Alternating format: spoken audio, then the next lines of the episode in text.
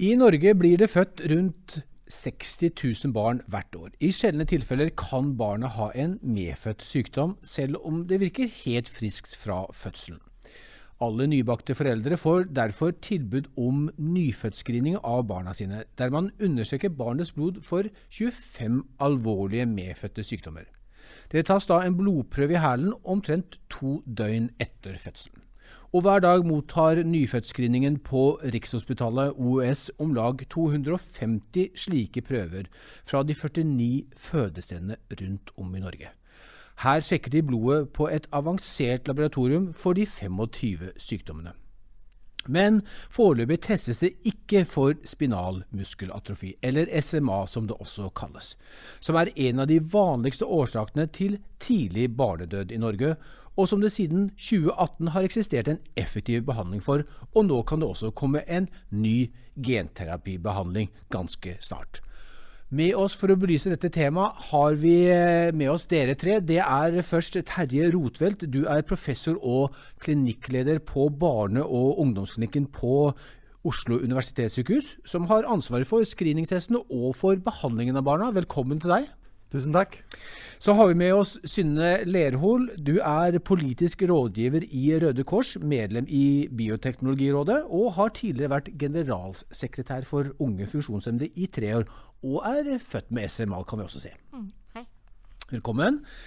Og Trygve Brautaset, du er med oss fra Trondheim. Du er professor i noe som heter syntetisk biologi, og du har ditt forskningsfokus innenfor mikrobiell molekylærbiologi og jobber i, på NTNU. Og er varamedlem i Bioteknologirådet. Velkommen til deg også, Trygve. Tusen takk. Men aller først til deg, Terje Rotfeldt. Det var dere på barne- og ungdomsklinikken som tok initiativet til å ville inkludere SMA i eh, spedbarnsscreeningen for omtrent to år siden. Eh, men la oss, før vi går inn og, og, snakker om SMA i mer detalj, la oss snakke om den generelle testen som dere i dag gjør på disse 25 arvelige sykdommene. Hvilke sykdommer er det dere tester for? Vi tester for to hormonsykdommer. En eh, lavt stoffskifte og en binyre-barksviktsykdom. Og så er det 21 metabolske sykdommer eller medfødte stoffskiftesykdommer. Mm. Eh, en stor gruppe sykdommer. Og så tester vi for en medfødt alvorlig immunsvikt kalt SKID. Og til slutt eh, cystisk fibrose. Mm alvorlige sykdommer. Hvor mange slike barn eh, har disse sykdommene hvert år sånn cirka? Til sammen finner vi mellom 50 og 60 nyfødte hvert år med en av disse 25 sykdommene. Mm. Og, og, Hvorfor er det så viktig å, å skrine og teste disse barna? Det er fordi at vi ved å sette i gang behandling tidlig gjør at uh, utsiktene for barnet blir mye bedre. Vi mm. kan forhindre sykdom og død, rett og slett. Mm, nettopp.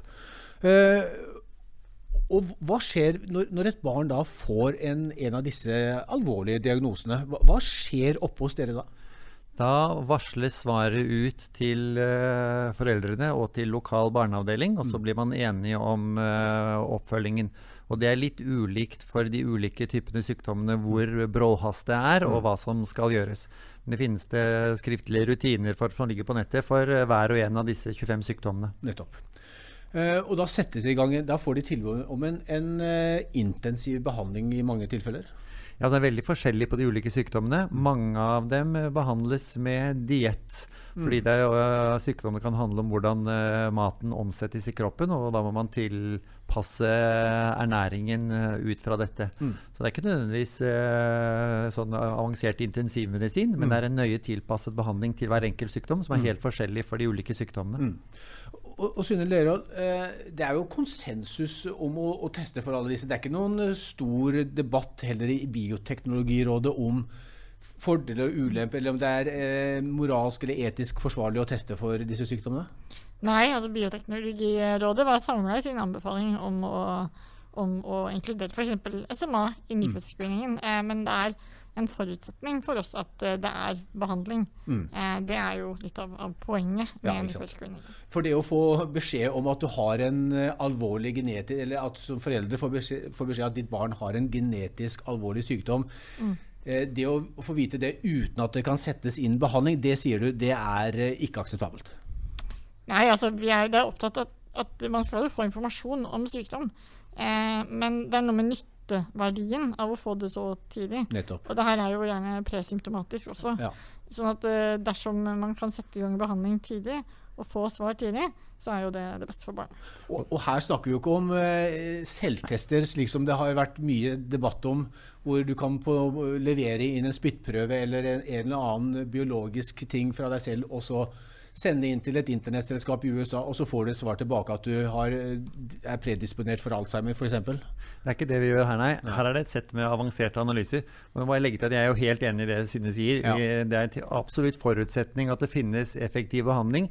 Og at det er en betydelig fordel å få vite det med en gang etter fødsel. Altså Vi må vite at det er bedre å gjøre det på denne måten enn å vente til man får symptomer. eh, og starte. Og da, la oss da gå over på SMA, for det er jo eh, en viktig og stor sykdom. Jeg, jeg innleder med å si at uh, dette er jo en av de sykdommene som tar livet dessverre av flest barn i Norge. Og, og Synne, du, du er jo født med SMA. Du har jo en bror også som er født med SMA. Uh, eh, hvordan eh, fikk eh, dine foreldre vite om dette? Um, både jeg og min bror eh, fikk symptomer rundt åtte måneders alder. Mm. Eh, viste tydelige tegn på, på svakhet i muskulatur. Mm. Um, og da, da ble det jo genetisk eh, testing av, av dem, og fant ut at eh, begge mine foreldre var, var bærere eh, av SMA. Nettopp. Så, eh, så eh, det, det var jo en, en omstilling, eh, Ja. men det var veldig, veldig nytt da. da. Eh, veldig ukjent for, eh, for eh, mamma og pappa og, og fastlegene og alle som var hjemme i hjelpeapparatet hjemme i Vang kommune, som er en liten kommune i Valdres. For, for de var da usymptomatiske bærere av eh, dette genet. Ja. Nettopp. Eh, Trygve Brautaseth, kan du prøve å forklare for eh, oss hva, hva er det som, som eh, f.eks. For foreldrene til, til Synne, hva, hva, var det som, hva er det som er feil ved genet, og hva er det som gjør at det kan overføres til eh, barna? Ja, så det, det, det som er med den, det, den testen her, den er at sykdommen er knytta til ett bestemt gen, SMN1-genet, som det kalles. Og det gjør at eh, testen er veldig spesifikk, og den er også veldig sikker. Så de- de som har eh, mutasjoner i det genet, er da disponert. Og så er det også en resessiv eh, sykdom, dvs. Si at du må ha mutasjon i begge allella av det genet for at du skal bli syk.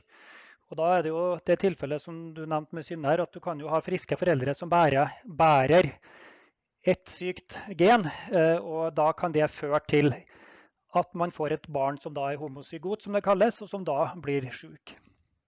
Så jeg kan legge til også det når du snakker om det med at en, en viktig forutsetning her er at eh, man har en behandlingsform. Det er en viktig forutsetning. Jeg tror en annen viktig forutsetning er at testen er meget sikker. Mm.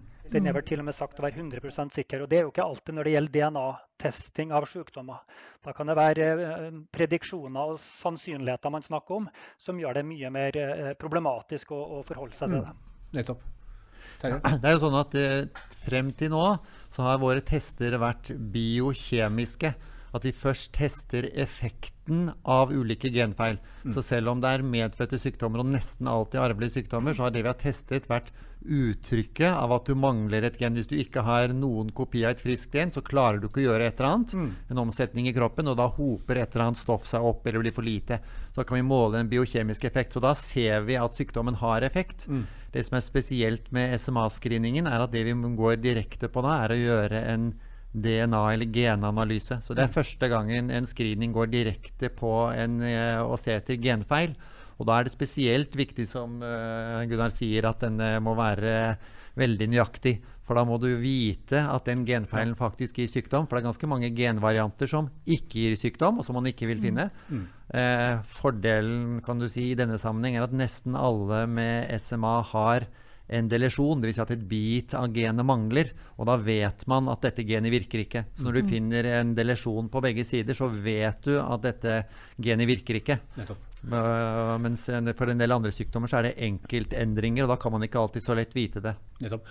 Og, og, den testen som nå er det, er, altså du, Man tapper jo eh, litt, noen få dråper blod fra hælen til, til, det nyfødte barnet. Mm. Eh, er det, det, det samme blodet som man bruker også til å teste for SMA-genfeilen? Ja, det er sånn at det er ingen endringer for eh, barnet, det nyfødte barnet. Man tar den samme prøven og sender det samme kortet, mm. og så bare analyserer vi for ytterligere én ting i det samme filterkortet. Nettopp. Så det er ingen endringer før prøven kommer til laboratoriet. Ja. I, I, ditt tilfelle, Synne, så, mm. så, som du sa, så uh, fant dere dette ut åtte måneder etter uh, du, du, kom til verden. Mm. Uh, og hva, hva, hvilke konsekvenser har det for å, bli oppdaget så sent? Er det, er det, slik at du da har dårligere prognose for sykdommen? Um, jeg, etter standarden på 90-tallet var jo det relativt tidlig. Mm. Men altså, jeg har, har, mm. også SMA type 2. Det er jo mm. flere grader av SMA. Mm. Og de barna som, som, dør tidlig, som du nevnte i stad, de er gjerne type 1. Mm. Eh, den mest alvorlige formen for SMA. Eh, og da er SMAs typer jeg sorteres gjerne ut ifra når symptomer begynner å vise seg. Mm. Eh, og, og, nå vil man nok, fordi flere får behandling tidlig, vil man nok heller se på genkopier av SMN2-genet. Eh, mm. eh, men, men fram til nå har det vært symptomer som har, har eh, indikert hvilken type du er. Mm. Eh, men, men for, for, min del så, så, har jeg vokst opp uten mulighet for behandling. Mm. Og det er jo fortsatt ikke behandling for oss voksne. sånn at eh, da har du ikke hatt så mye å si, annet enn at man er obs på, på, symptomene som venter, og at man eh, kan, behandle, kan behandle symptomene, dvs. Si fysioterapibehandling og, og eh, være ekstra, ekstra påpasselig når det er lungeinfeksjoner og den type ting. Ikke sant. Så, Terje Rotvold, altså det å oppdage eh, sykdommen tidlig, det, det, er det som er grunnen til at, man, at dere eh, nå i lang tid, et par år, har ivret for at nettopp uh, det skal teste for SMA. For, for, for, det er vel da, som Synne sier, at det å oppdage dette så tidlig som mulig gir også bedre prognose når du da har en, et legemiddel eller flere legemidler å behandle med? Sykdommen skyldes jo da feil i dette SMN1-genet, mm. og det er et overlevelsesprotein eh, som det koder for. Og hvis du ikke har det overlevelsesproteinene for nervecellene, så dør nervecellene. Mm. Og du får først symptomer når nervecellene har begynt å dø, mm. og da er det for sent eh, å gjøre noe. Og vi har jo vært sentrale i innføringen av Spinraza-behandling eh, hos barn i Norge. Så alle mm. barn har kommet eh, også hos oss. Mm. Og da har vi sett det som også internasjonale studier viser, at jo tidligere du kommer i gang med behandling, jo bedre virker den. Og det er også helt åpenbart ut fra det som er mekanismen. Altså du mangler overlevelsesprotein. Spinraza fører til øket produksjon av overlevelsesproteinet.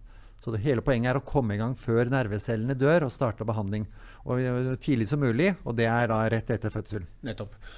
Men selv i dag så er det da slik at uh, man må, foreldre må selv kanskje finne ut at barnet har uh, noen muskelutfordringer da, som gjør at de mm. blir bekymret og kontakter lege. Og så går prosessen til hvor det da til slutt finnes en gjennomføres en gentest med da både uker og kanskje i mange tilfeller måneder etterpå. Mm. Nå er oppmerksomheten rundt uh, eh, SMA så høy mm. at uh, dette er noe man mm. tidlig tenker på. Det var sikkert annerledes uh, ja, tidligere. Men nå går det ikke lang tid. Men da er det allerede gått altfor langt. Ja. Altså, da har man allerede fått symptomer, og man har allerede begynt å få lammelser fordi nervecellene er døde. Mm. Og vi vil ikke vente på det. Vi vil starte med en gang. Nettopp. Du nevnte Spinraza, som altså er et legemiddel som har vært godkjent uh, til behandling av barn med, med mm. SMA i, siden 2018 ca. Mm. Uh, får alle barn tilgang med, med, denne diagnosen tilgang til, til Spinraza?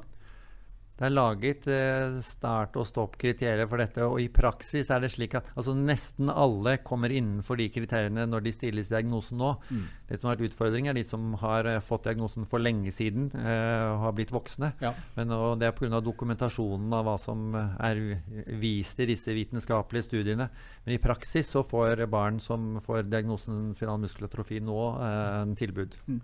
Mm. I ditt tilfelle, Synne, så, så, har jo du ikke fått spinnrasta etter det du sier. Nei, stemmer. Eh, er det grunner til å Vil du ha hatt nytte av det? For å bare stille det spørsmålet. Det blir en annen effekt enn det blir for barn, hvor ja. det er i større grad håp om å eh, redde gangfunksjonen, sittefunksjonen osv. Mm. Eh, for eh, oss voksne handler det om eh, livsforlengelse. Mm. Eh, bedre stamina, energinivå, mer hodekontroll, sverg, pust. Eh, ganske grunnleggende funksjoner, eh, men ikke vi kan selvfølgelig ikke gjenopprette en gangevne som aldri har vært til stede. Eh, sånn at det, det er ikke det vi håper på. Men vi håper på eh, bedre livskvalitet og det å kunne, kunne holde ut lenger. Mm. Fordi man dør jo tidligere også. Nettopp. Ja.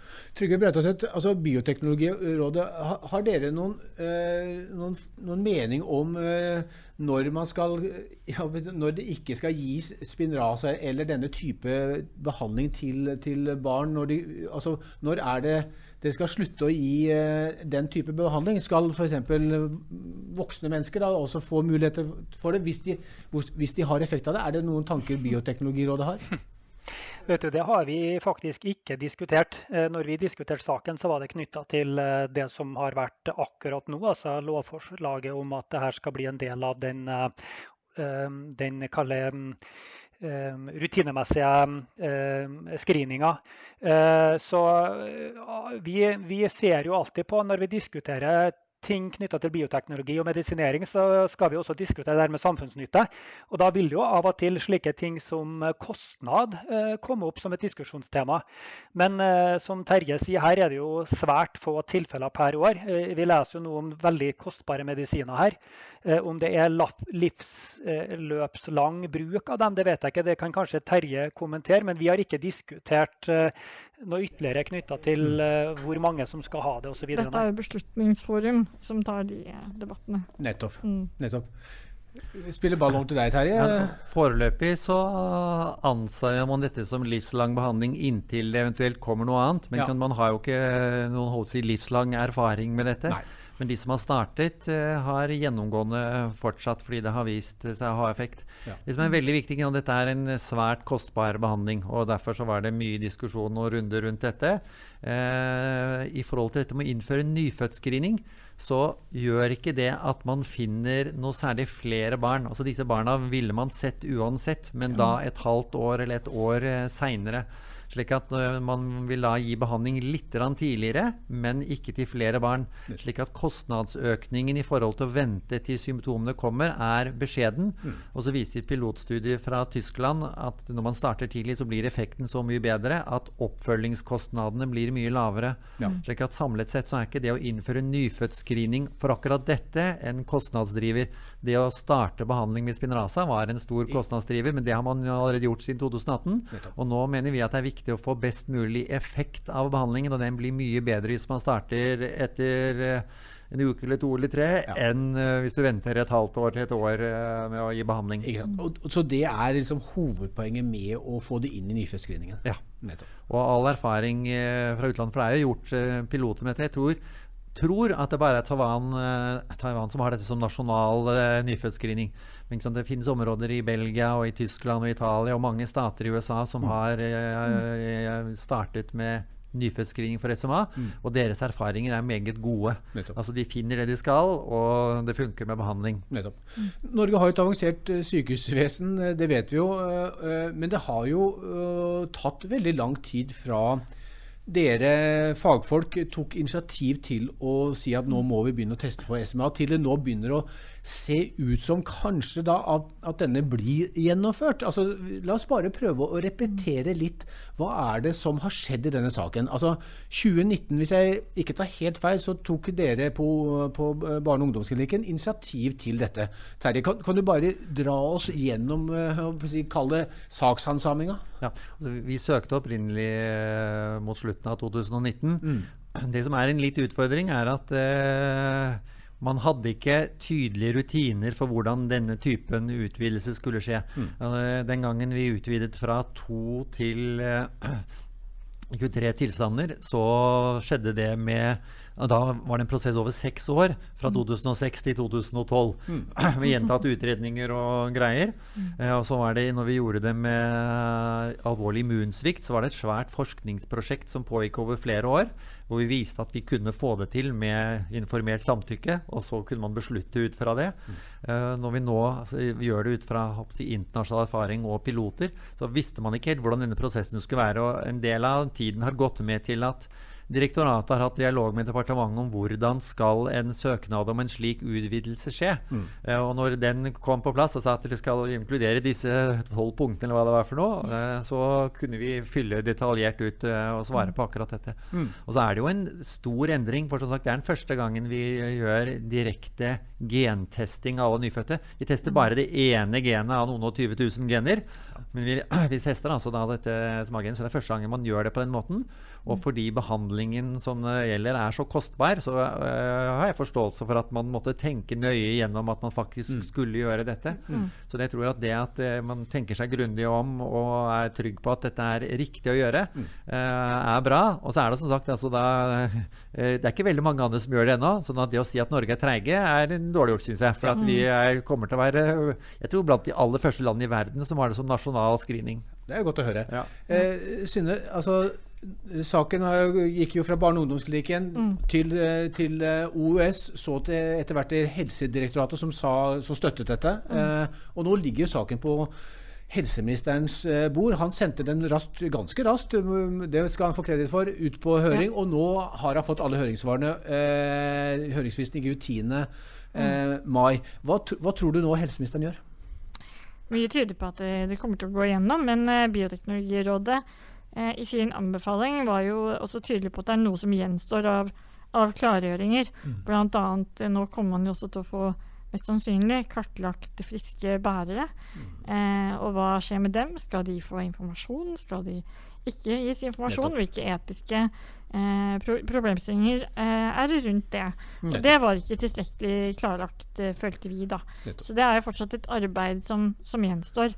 Og så var det hos oss en diskusjon hvorvidt det skulle være muntlig samtykke, sånn som det er i de øvrige nyfødt-screeningene, eller om det skulle være et skriftlig samtykke fordi dette er eh, gentest. Ikke sant. Så, for, så, det du sier er at uh, de barna som nå blir testet, de vil ikke bare bli testet for om de har uh, det aktive genet, men, men de vil også ville være du vil kunne se om de er bærere, altså de er asymptomatiske bærere av, av sykdommen? Er det sånn å forstå? Dette har jeg lyst til å kommentere litt, for ja. dette er et innmari viktig poeng. Ja. Og så er det sånn at når vi startet med screening for uh, cystisk fibrose, ja. uh, og det er jo da ni år siden nå, så sa vi at den måten vi vil gjøre det på, er at vi tester først noen eh, stoff eh, IRT.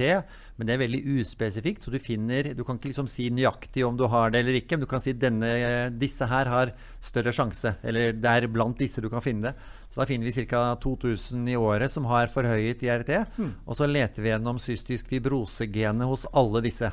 Eh, og det har vi gjort siden 2012. Eh, eh, og vi har hele tiden vært veldig tydelige på at hvis vi finner én mutasjon, altså på det ene genet og ikke på det andre, ja. Så er svaret negativt. Pasienten har ikke cystisk broser, for pasienten har ikke det. Ja. Det eneste vi skulle teste, var om pasienten eller den nyfødte hadde CF. Og da svarer vi ikke CF. Nei. Ingen annen informasjon om dette. Så dette har vi i praksis gjort i ni år allerede for uh, CF, ja. men da ikke på alle 50 50 60 000 i året, men på ca. 2000 i året, fordi vi kunne håper si, luke ut en del med biokjemi. Og det er akkurat den samme tilnærmingen som vi har sagt at vi ønsker med dette. Ja. Uh, og jeg mener at det er en stor fordel med det norske programmet at det er mulig å gjøre dette. For hvis du skal Det kommer til å bli mer, flere typer genetisk testing og, mm. og på den typen ja. på nyfødte. Ja. Og hvis du skal varsle alle bærere, kan, så vidt jeg kan skjønne, så er vi alle sammen bærere av en syv-åtte uh, tilstander. Ja. Og det å skulle varsle det, ut, det gir altså det, Da blir dette helt umulig ja. gjennomførbart. Ja. Mm. Sånn at uh, Vi har vært veldig tydelige på at sånn har vi gjort det tidligere, og sånn ønsker vi å gjøre det nå også. Og så skjønner jeg at liksom, det er et prinsippspørsmål. For i en del land så mm. tillater man ikke dette. Man sier at hvis du først har funnet det, så må du gjøre det sånn og sånn. Men det har altså vi ikke gjort, og det har ligget til grunn hele tiden for hvordan dette fungerer. Vi leter etter syke, vi leter ikke etter noe annet. Og vi finner de syke. Trygve Brautesund, det er jo øh, litt som vi, som på det er jo dilemmaet med ny eh, medisinsk teknologi. At vi får vite så mye, mye mer om de bakenforliggende årsakene til sykdom og ting som kanskje aldri, uh, egentlig aldri hadde tenkt å gå og bekymre oss for. Men, men hvordan skal dette, mener du, håndteres? Nei, Det er et veldig interessant spørsmål. og Det var, var, var en god forklaring som Terje ga her. Eh, jeg tror jeg tror det er riktig å lande på det slik som Terje beskriver det. Eh, at man er spesifikk for det, fordi at det vil komme flere gentester. Og etter hvert så vil det bli en komplisert matrise av Og da er vi tilbake til det der med sikker, usikker, mulig osv. Det er jo en fordel med den type test her som er PCR-basert, at man spesifikt går inn og kikker på ett gen. Og da er det tross alt begrensa informasjon. Vi har jo, Hvis du trekker paralleller nå til fosterdiagnostikk, som vi også diskuterer mye i, i um, Bioteknologirådet, så har du jo tester hvor man kjører full genomsekvensering, alt arvemateriale. Og så gjør man det med formål å bare se på kanskje ett eller noen få gener. Men da genererer man jo enormt mye informasjon og data som eh, potensielt kan brukes til å avdekke en rekke disposisjoner osv. for andre sykdommer. Så tross alt har vi med et ryddig eksempel å gjøre her, når testen er så spesifikk. Men, eh, men diskusjonen rundt det er, er, ja, det er et dilemma. For at informasjon finnes, og i prinsippet så kan den ha vært nyttig for enkelte pasienter og visdommen. Nettopp. Så. Og, prinsippet, men prinsippet står fast, eh, som du sa, Terje Rothfeldt. De som er bærere, de skal, de skal få beskjed av alt er i orden. De skal ikke få vite det når de er blitt myndige, at du, du, en, du har et, et, gen som kan Hvis du finner en makker med tilsvarende gen, så, så kan du risikere å få et, et, barn med SMA. Det legges opp til rapportering frisk eller mistanke om sykdom. Det er de to alternativene. Ja, nettopp. Er du betrygget for det, Synne?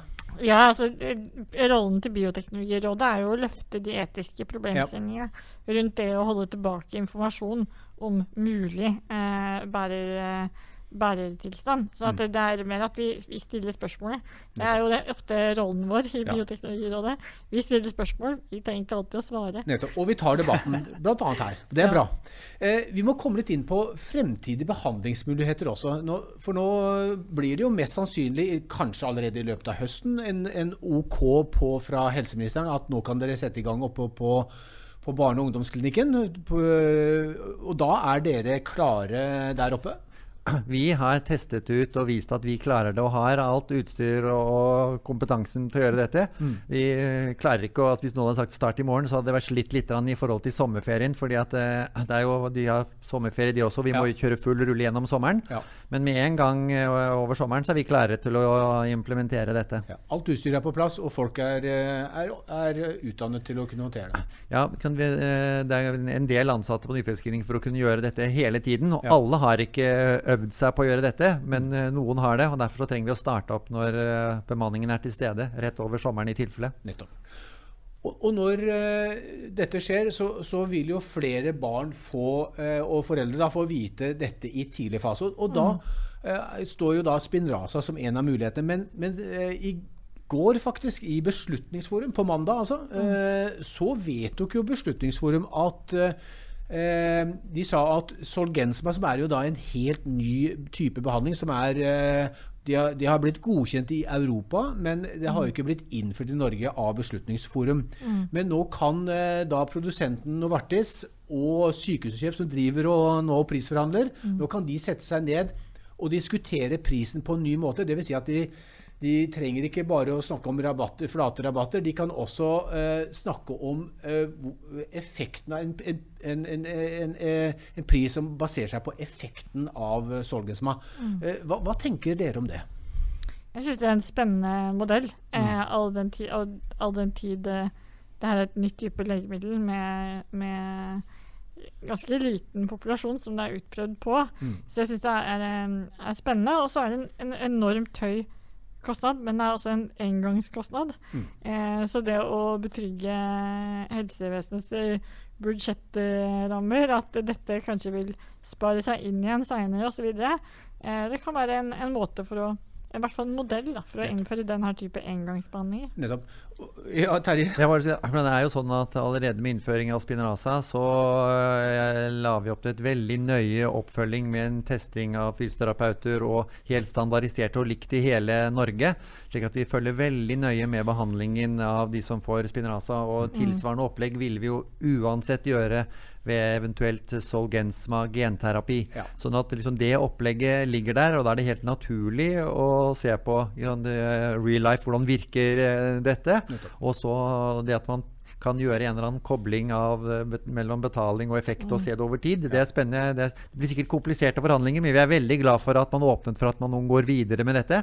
For vi, de, selv om ikke nyfødtscreening og genterapi henger noe sånn 100% sammen, så er det slik at for denne genterapien så er det enda tydeligere at effekten er bedre jo tidligere du, kommer i gang. Sånn at uh, hvis man skal innføre mm. Solgensma, så er det veldig hensiktsmessig å ha hatt nyfødtscreening på plass, slik at du kan starte den med en gang. Ja, så det du sier er at det med symptomatisk avdekking av SMA, uh, eh, da gir det ikke noe så god verdi å bruke så mye penger på en genterapi som Solgensma? Altså, det har jo virket uh, på dette også, men det virker bedre jo tidligere du gjør det. Ja. og og det vil dataene til nå er vel altså enda tydeligere for det for Solgen, som har vist noe, sånn at det er ja. eh, rimelig, og særlig den engangsbehandling. Ja. Kommer fint inn der den skal virke hos spedbarn, så det blir bra. Ja. Uh, dette er jo, som du var inne på, Synne, et veldig dyrt legemiddel. Det, det er um, Litt tabloid er det sagt at det er verdens dyreste legemiddel. Det har en uh, listepris, eller maks AUP, på ca. 20 millioner kroner. Uh, nå skal jo det da åpenbart prisforhandles, og, og, prisen skal komme ned. Jeg noterte meg at når, når, når at helseministeren sa at Spinraza det var uetisk høy priset når den prisdebatten gikk, hva, hva tenker dere om hvor mye må prisen ned for at det skal være regningssvarende å, å, bruke eh, i norsk helsevesen? Er det, er det, mulig å si noe om det?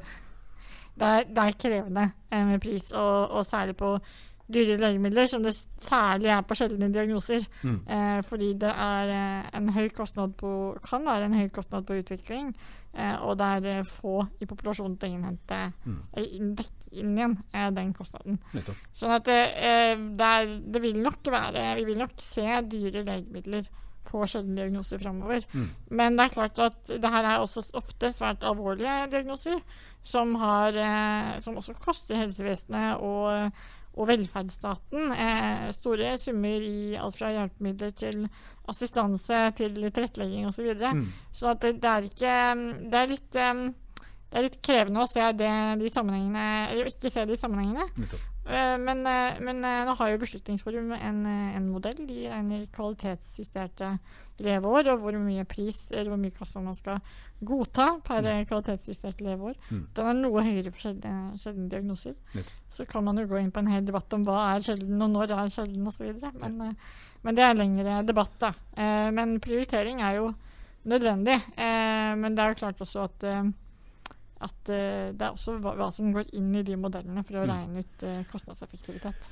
Trygve Brautaset, altså nå, nå, skal det da bli en resultatbasert pris, som det da teknisk heter eh, med Solgensma. Altså at man skal betale pay, pay, for performance, som det kanskje heter på godt norsk. Eh, eh, som Synne er inne på, så, så, vil det Dette var første gang i norgeshistorien eh, at man innfører denne type priser for et, et legemiddel. Og det øker antageligvis muligheten for at Beslutningsforum og produsenten blir enige. Men Tror du at, du, at, denne type prismodeller vil komme på også andre nye legemidler? For det er jo, mange, det, det er jo ekstremt kostbare legemidler som nå er på vei.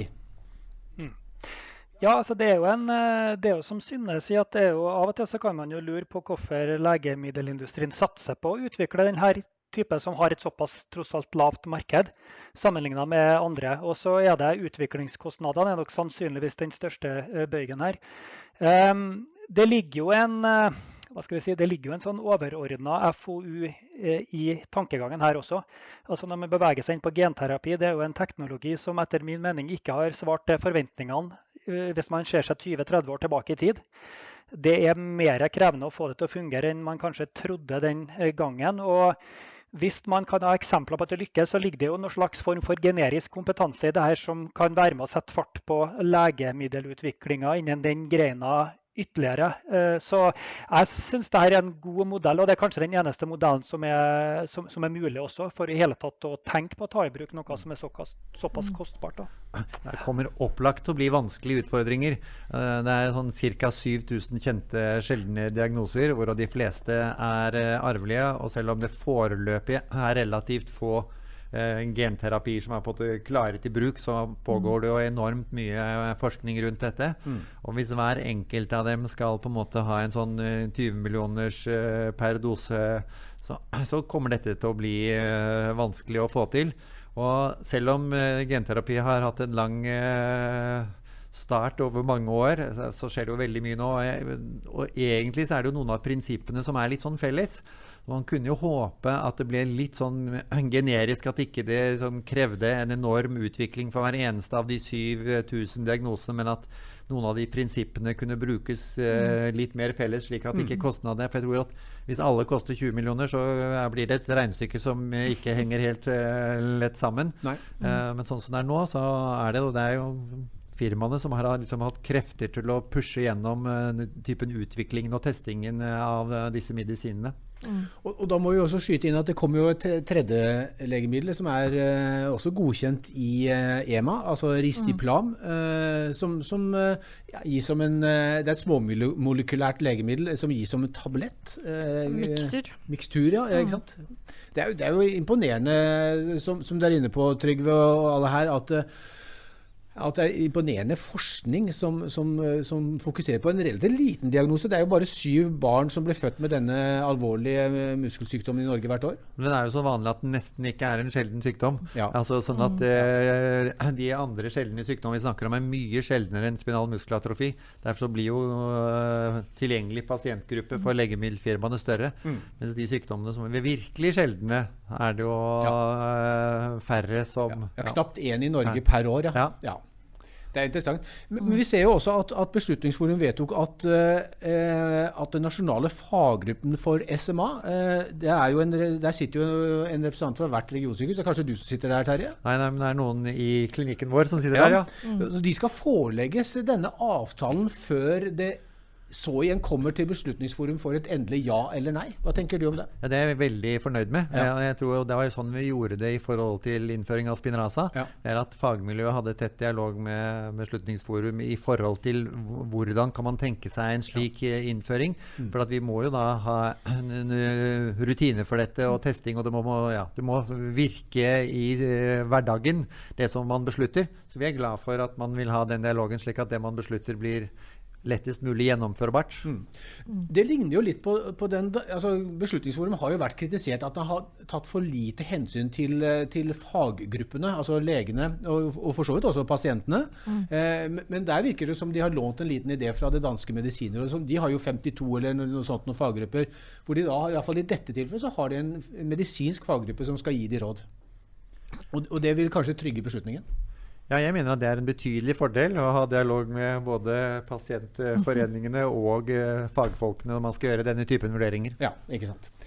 Vi, vi, må, vi, vi begynner å nærme oss slutten. Det har vært utrolig spennende. Vi kunne jo sitte her i hele kveld, eh, føler jeg, og, og tiden går så fort. Men vi må også snakke litt om, om eh, fremtiden. Altså det, det som vi, Dere har vært inne på det, alle tre. Eh, nå, nå kommer jo mange flere nye legemidler, men det kommer også flere muligheter for gentesting.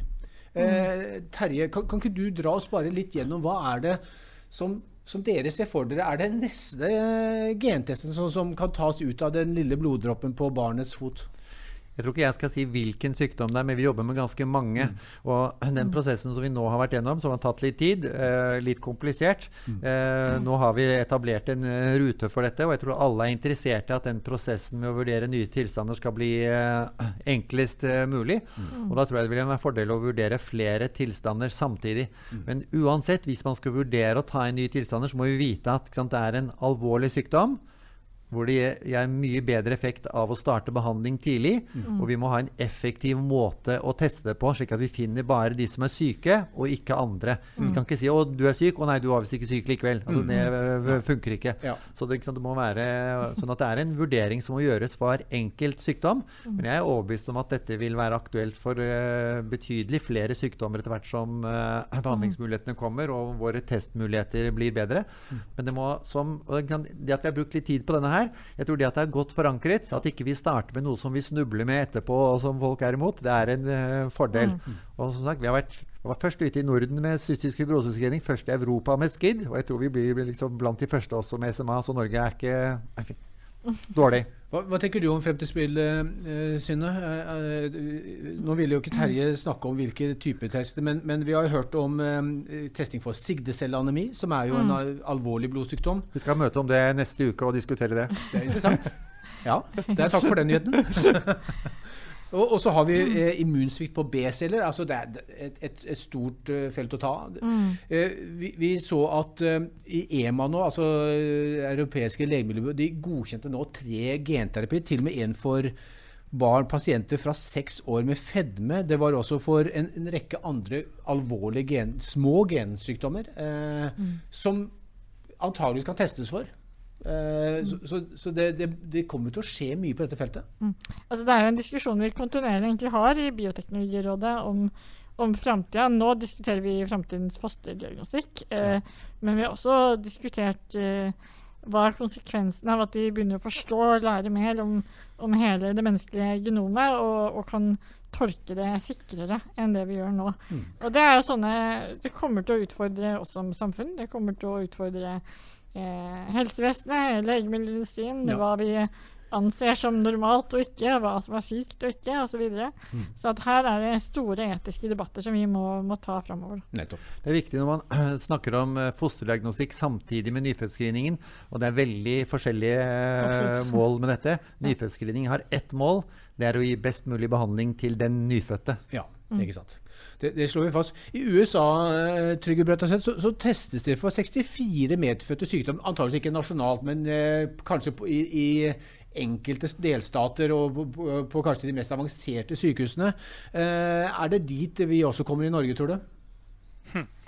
Uh, ja, jeg kjenner jo ikke alle de, men jeg tror igjen at uh, det, det, som var innpå her altså du, det er mange krav som oppfylles samtidig for at man skal kunne gå god for det. Og Det ene er behandlingsform, og det er, også er det dette med at det er en alvorlig sykdom og ikke en tilstand eller et, et annet trekk.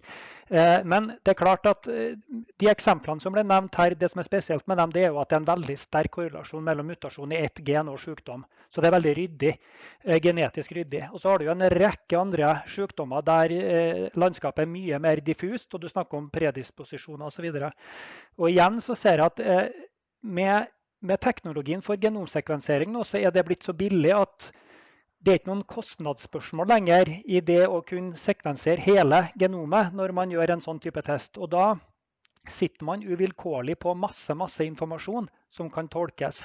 Og da er det også snakk om hvem skal ha tilgang, og, hvem har rett på informasjon og ikke rett på informasjon. Så jeg tror det kommer til å bli eh, debatter rundt det. Eh, SMA er et veldig ryddig eksempel. Vi brukte kort tid på å være enige, og det var jo som Synnes sa, det var nyanser rundt uh, implementeringa som kanskje uh, vi kikka på. Men ingen tvil om at alle syns at dette var en fornuftig uh, ny innføring. Da. Mm, men så vil det sikkert komme større tvilstilfeller mm. i framtida. Mm.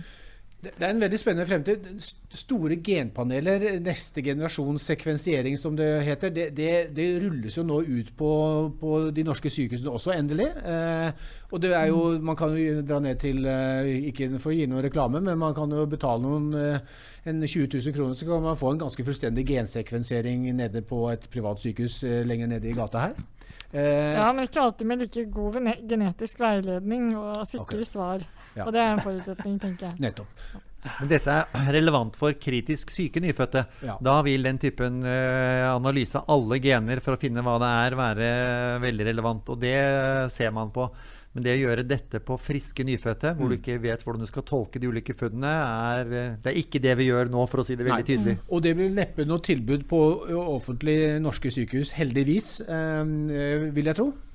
Eh, hva, hva, tenker Bioteknologirådet om, om, noe sånt? Vi tenker at dersom det foreslås, så vil det i hvert fall vekke store etiske problemstillinger. Ja.